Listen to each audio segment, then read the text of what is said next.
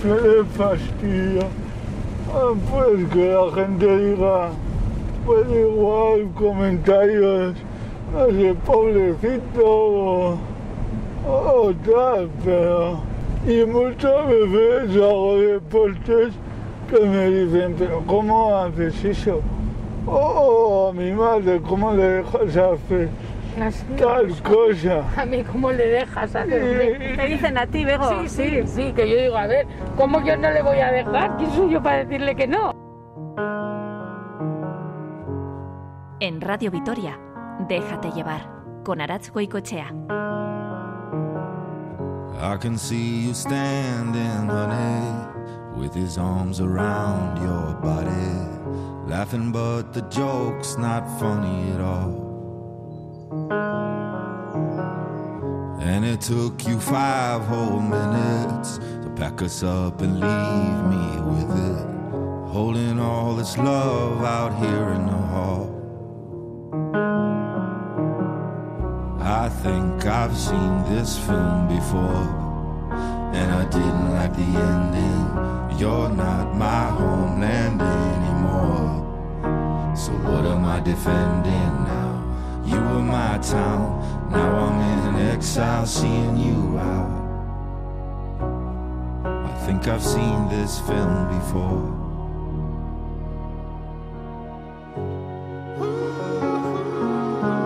Seres y estares.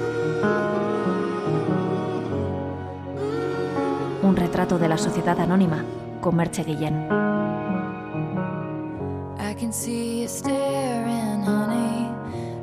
En nuestros seres y estares hemos dado protagonismo a la sociedad anónima, a personas con sus circunstancias, con sus problemas o con vidas de las que hemos eh, aprendido enriquecedoras lecciones.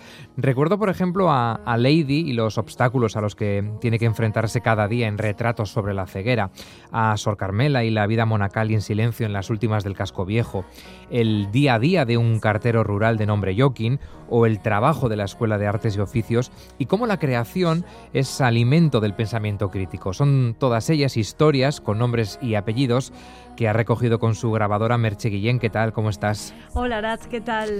Y esa grabadora es tu compañera de viaje, ¿no? Tu, ese testigo, ¿no? De muchas historias, de ahora, de antes Sí, sí. y también de mañana. Sí, sí, así es. Me, me acompaña y hace muy bien su trabajo porque a lo largo de todos estos meses ha ido captando eh, a la perfección todos esos perfiles que hemos ido presentando aquí, la verdad.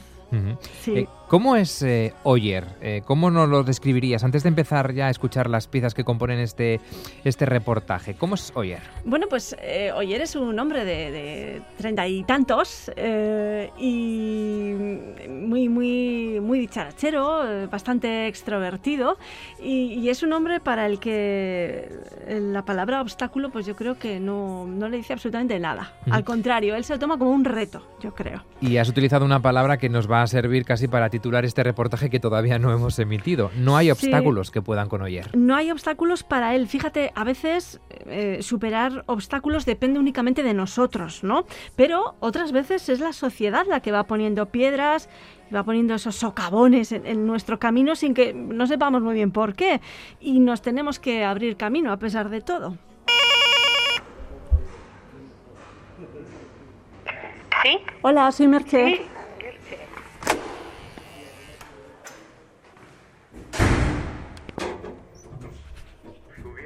Bueno, pues hoy nuestra historia empieza en Gasteiz, en casa de Begoña, Balbino y Oyer.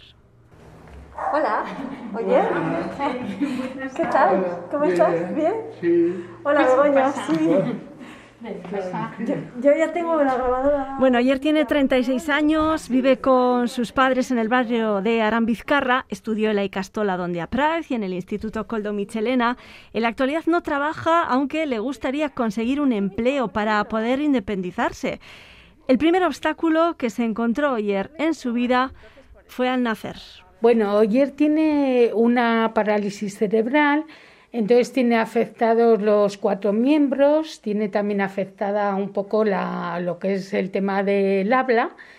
Y bueno, pues eh, el tema fue el parto. en el último momento, en el expulsivo, iba todo bien, pero bueno, se encajó. Entonces, bueno, le ayudaron a nacer con forces. Eh, entonces, en el momento que él nació, los médicos nos dijeron pues que se moría. Entonces, bueno, nosotros, Balvino y yo, desde el primer momento decidimos luchar. Y bueno, yo la verdad que he estado trabajando 36 años en una escuela infantil con bebés. Eso me ayudó, me ayudó mucho porque desde el primer momento, bueno, ya en el parto, en el expulsivo vi que había complicaciones, claro, porque pues no, no podía nacer, cuando nació no lloró y yo ya sabía que algún problema iba a haber. Al no llorar, luego nació morado, bueno, lo tuvieron que llevar corriendo a la UCI. Entonces íbamos y empezamos ya a estimularle. Cuando él estaba en la UCI, pues hablándole, estaba en una incubadora, le metíamos las manitas, le tocábamos, le acariciábamos. ¿Allí os dijeron en la UCI que tenía daño cerebral o todavía no lo habían eh, valorado? Todavía no se sabía. Entonces, allí lo que sí nos dijeron era que al, cuando habían pasado esos cinco días, pues que iba a haber complicaciones y que podía ir desde rayar la normalidad hasta tener una afectación muy grave. Entonces, pero no se sabía. Entonces, lo que nosotros sí pensamos que, que bueno, que fuese lo que fuese, teníamos que trabajar con él, actuar desde el momento cero.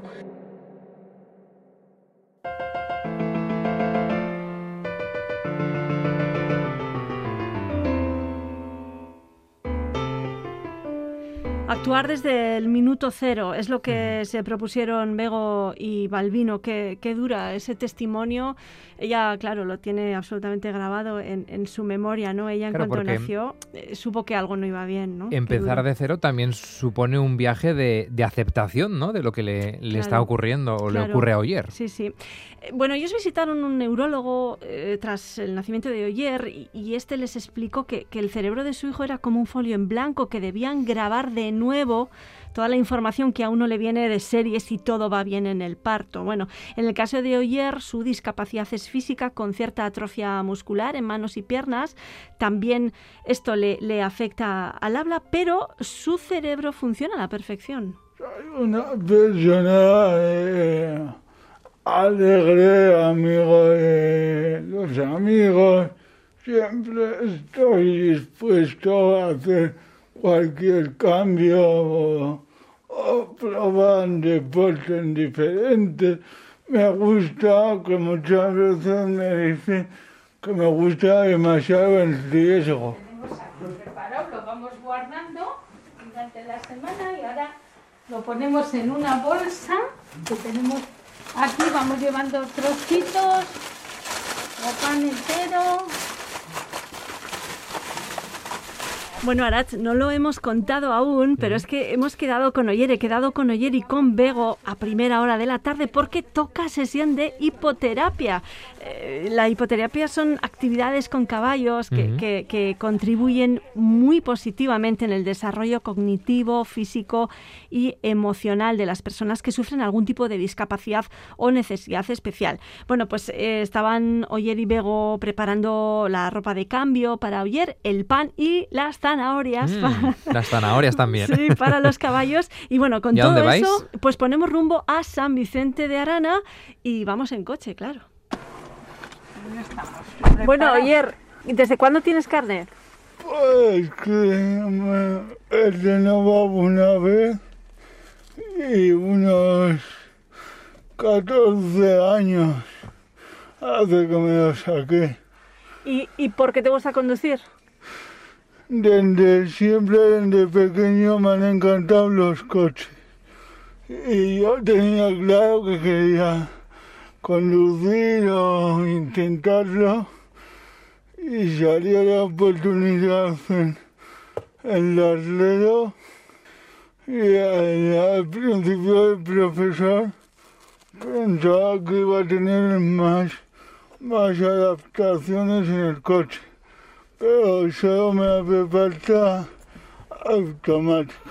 O sea, es coche automático y ya está. El volante no, no necesitas bola para manejar. Está el, coche ardiendo.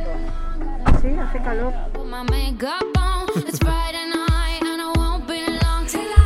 Eh, ahí está, Oyer nos llevó a San Vicente de Arana. Oye, dentro de lo que nos estás contando y describiendo a, Oyer, le vemos como una persona alegre, vital, que se adapta, ¿no? Y que, no quiere quedarse quieto, quiere aprender. Eh, claro, hay que recordar, ¿no? Que él, eh, su problema, esa parálisis cerebral, le lleva a tener cierta atrofia muscular y en manos, en manos y piernas. Pero eso no le ha impedido, por ejemplo, conducir, ¿no? Claro, eso es. Y eso no fue un obstáculo. Lo del carnet de conducir no fue obstáculo para, para Uno más que salva. Eso es. Sin embargo, las barreras siguieron después, tras terminar su formación obligatoria. La inclusividad y la adaptación que tuvo en la Icastola y en el instituto, pues brilló por su ausencia en un centro de formación profesional. Él se matriculó en un grado medio de jardinería, pero desde el centro no aceptaron que alguien como Oyer quisiera aprender un oficio como ese. Ellos estaban empeñados, porque claro, yo decía, de lo de jardinería, pero igual no podía podar o no podía coger un esqueje, pero podía segar la hierba o plantar. plantar. Pero dijeron que no, que no.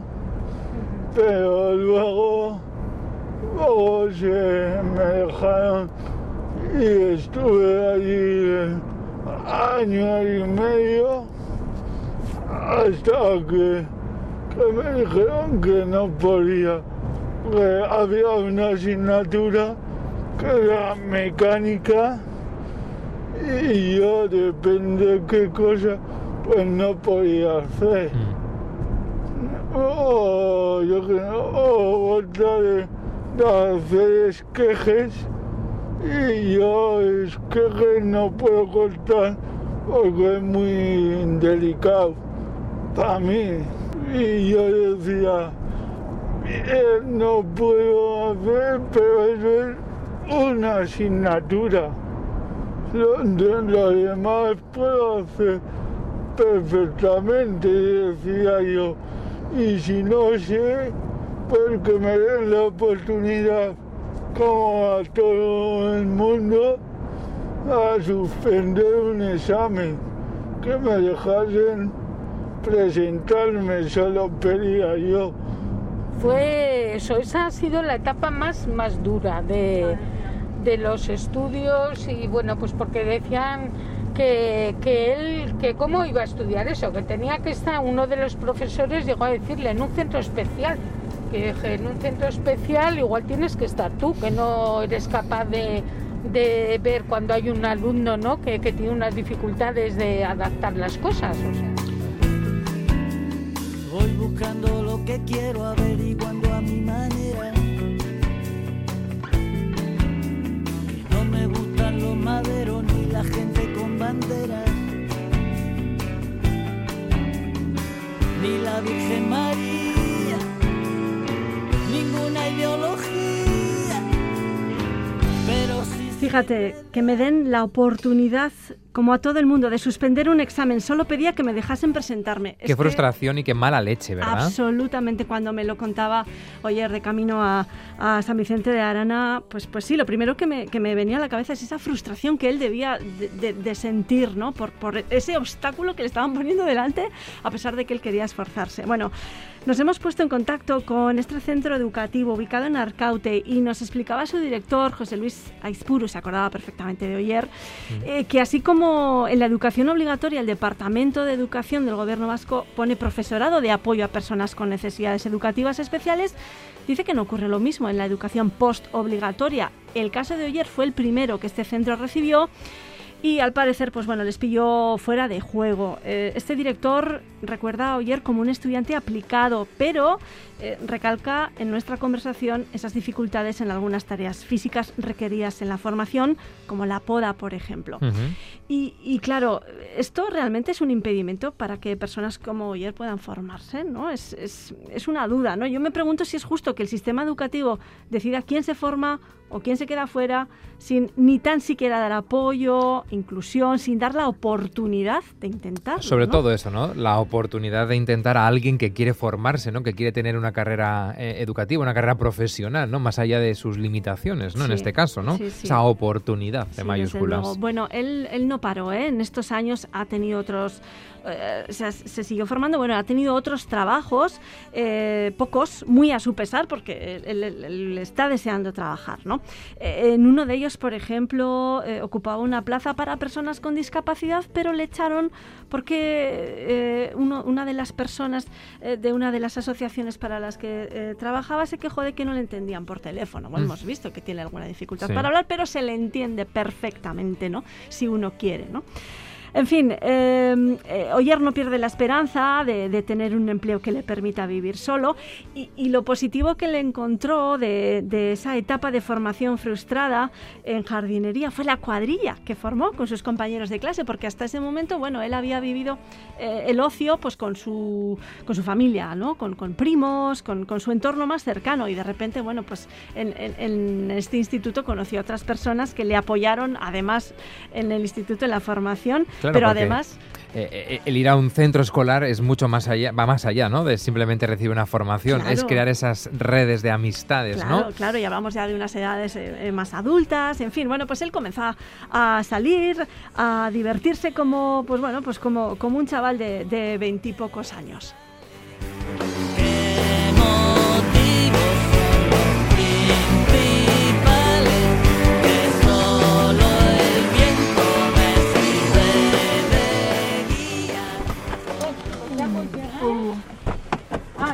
Tendremos dos visitantes, dos perritos que siempre vienen. Siempre vienen. Ah, míralos, ahí están. Hola, perrete. Hola, Goku Garo. Hola. Ay, qué bonito. Bueno, pues ahí están. Los perretes últimamente, Arach, me acompañan en los, sí, desde luego. sí, sí, sí, sí, Bueno, pues hemos llegado al Centro de Hipoterapia Integrada Saliarana. Nos reciben los primerísimos Son Goku y Garo, dos de los amigos de cuatro patas de Miguel Ángel Díaz de Cerio, que es el alma mater de este proyecto que nació hace más de 20 años, pero que hasta este pasado mes de mayo no ha completado su primera fase gracias a una inversión institucional de casi 500.000 euros por parte de Gobierno Vasco y Diputación Foral de Álava, con lo que se han mejorado las instalaciones. Bueno, las nuevas infraestructuras de Saldiarana van a permitir mejorar la atención que presta a 22 personas con diversidad funcional, autismo o riesgo de exclusión social. Goku y Garo nos dan la bienvenida junto a Miguel Ángel y su equipo. Y bueno, lo, primero que hacen es ver cómo llegan los usuarios, ¿no? Si, llegan eh, nerviosos, tal vez cansados, y esto les permite luego adaptar la rutina de trabajo Porque esto puede influenciar o influir en el comportamiento del, caballo, del animal. Claro, influye mucho. Perciben ¿no? nuestras emociones y nuestra forma de estar en ese momento. Eso es, eh, nos lo explicará Miguel Ángel enseguida. Eh, primero es esa primera toma de contacto y después, bueno, pues toca cambiarse de ropa y preparar al caballo. Veo ayer el casco, a ver, casco, los guantes, el chaleco, las, los protectores, ¿no? Las polainas protectoras para que no te roce, ¿no? Paso.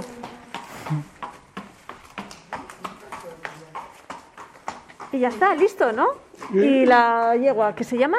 Sí, es India. India. Venga, pues a ver con India. siempre, todavía algún día terminaremos de aprender a ponernos las polainas. ¿Qué ha pasado? ¿Están al revés? Está al exterior. He sido yo. Ah, la caballera para Claro. On the first part of the journey, I was looking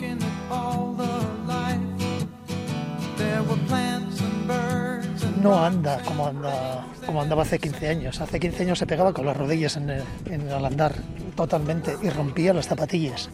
Rompía las zapatillas, pero en un mes. Y ahora ya a base de andar, de enseñarle un poquito a andar, de, con el caballo que le ha abierto todos los aductores para podernos posicionarle de toda todo el tren inferior, pues ya no se pega en la rodilla y ya no necesita ningún apoyo en ese sentido, porque antes andaba en bici y con la barra del medio de la bici se hacía callo, se hacía un callo y una herida tremenda. y empezamos a buscar unas ah, aplicaciones técnicas para poder hacerlo, para la goma esta que utilizan en los barcos, para los golpes y para eso, en el suelo. Le quisimos poner en la barra, pero ya no la necesitaba porque se lo había abierto los aductores, entonces no la necesitaba. En cuatro sesiones, eso fue espectacular en cuatro sesiones. Y luego todo el tema del andar y del posicionamiento, que a él venía siempre muy acelerado. Entonces al venir muy acelerado quería correr y siempre rezaba y rompía todas las zapatillas. Ahora ya se asienta, coge las rutinas, coge todas las formas. Con, con, con los caballos uno no puede estar acelerado, ¿no?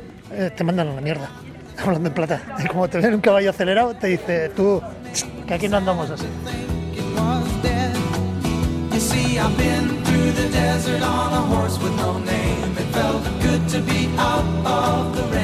¿Qué necesita un caballo para, para hacer terapia? Ser bien tratado bien.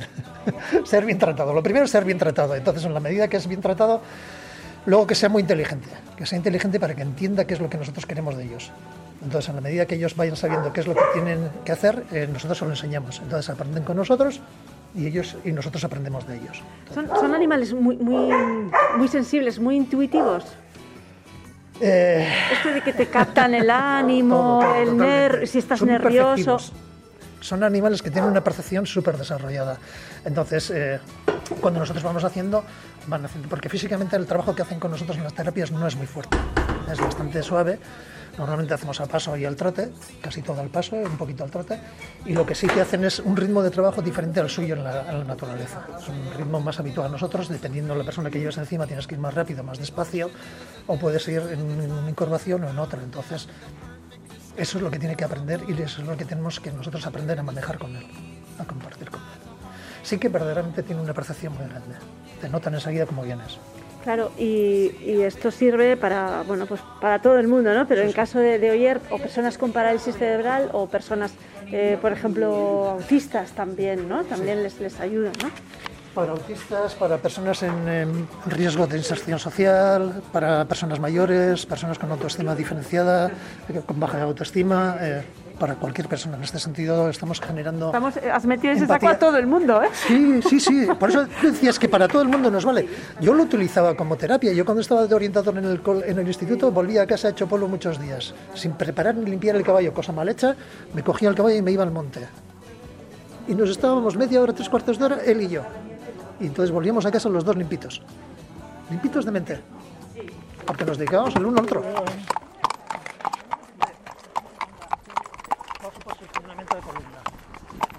Columna. Es y de la pelvis en- bien encima del caballo. A partir de ahí es donde podemos generar bien ya buenas situaciones y podemos hacerle que los impulsos del caballo, los movimientos del caballo le puedan subir y le puedan generar todos los movimientos tan- crear movimientos involuntarios. Él ya los tiene voluntarios porque anda, pero gente que anda en silla de ruedas es específicamente importante que vaya bien situado para que el impulso sea directo y- lo más limpio posible.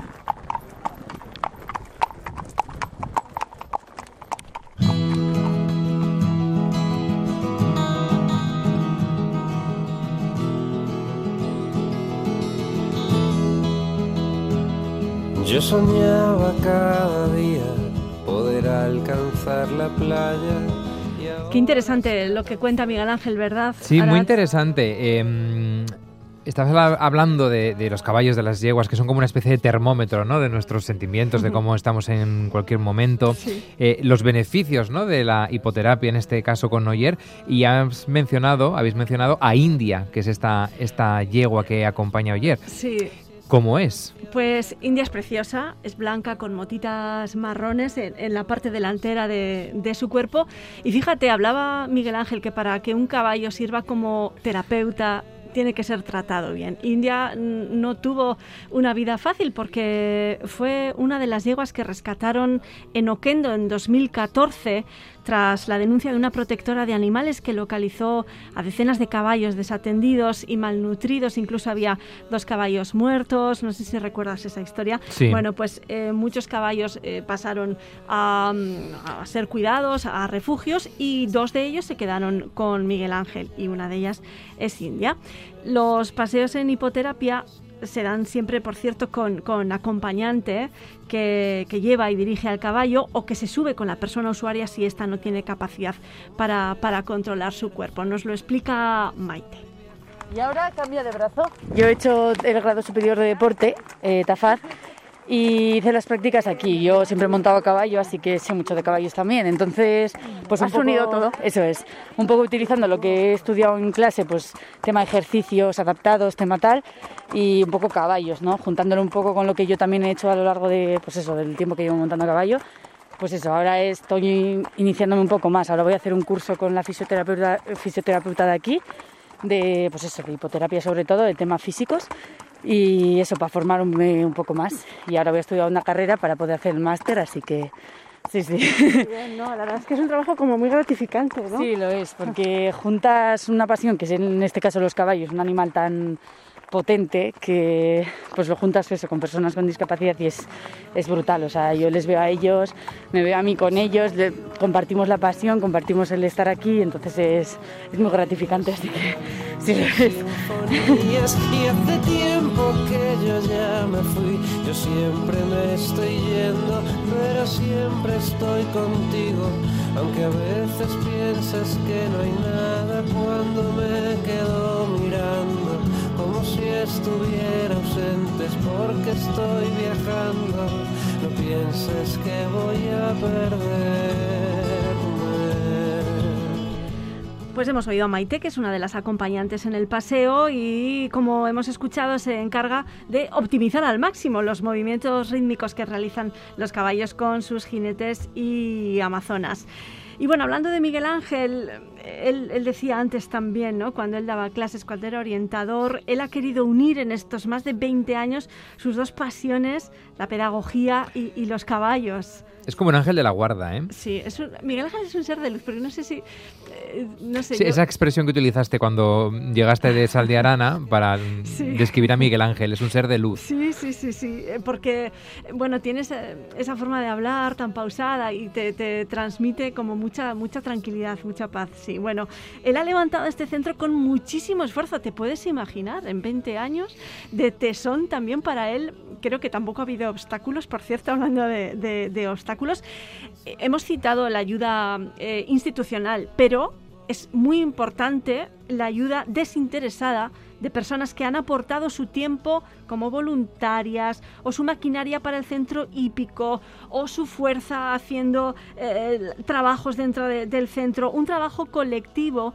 que revierte en este proyecto que tiene otro objetivo futuro, la, la creación de un albergue de respiro para las eh, personas, para las familias usuarias de- del centro. O sea que Miguel Ángel ya está pensando en los próximos 20 años, ¿no? En hacer crecer este proyecto. Sí, sí, sí. Para él este proyecto, claro, no, no tiene fin. Lo que quiere es seguir mejorándolo. Él y bueno, y, y el resto de vecinos de, de San Vicente de Arana porque se, se han volcado con, con este proyecto. Sí, la verdad es que sí.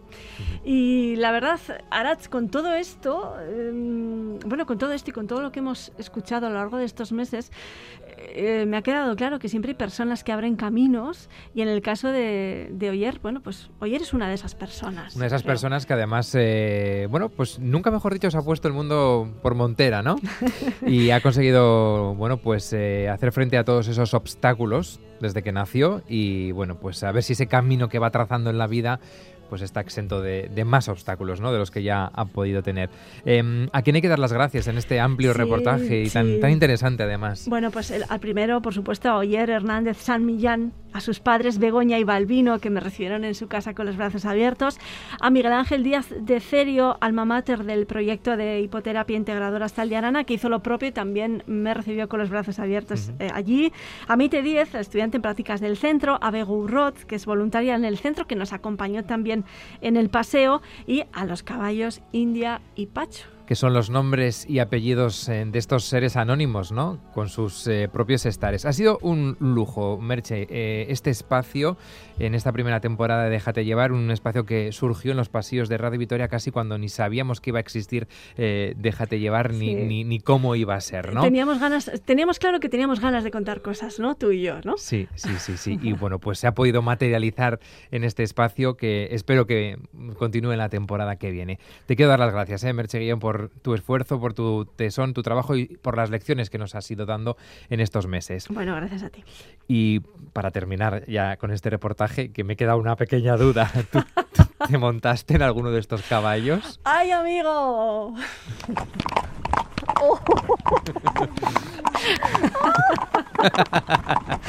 es lo único que puedo decir. Me decía Miguel Ángel, eh, apoya el culo. Bueno, en fin, ahí estábamos trotando. Eh, claro, una sensación eh, espectacular. Totalmente. Bueno, pues, pues este es mi resumen de, mi paso por Saliarana. Bueno, gracias, por cierto, también a, todas las personas que han escuchado quincenalmente este espacio. gracias por, bueno, por ese interés que han tenido siempre en estas historias, en estos seres y estares. Y nos escuchamos en septiembre, ¿no? Espero, ¿no? Claro que sí. Buen verano. Es que ricasco. Un abrazo. Es que ricasco. Yo soñaba cada día poder alcanzar la playa.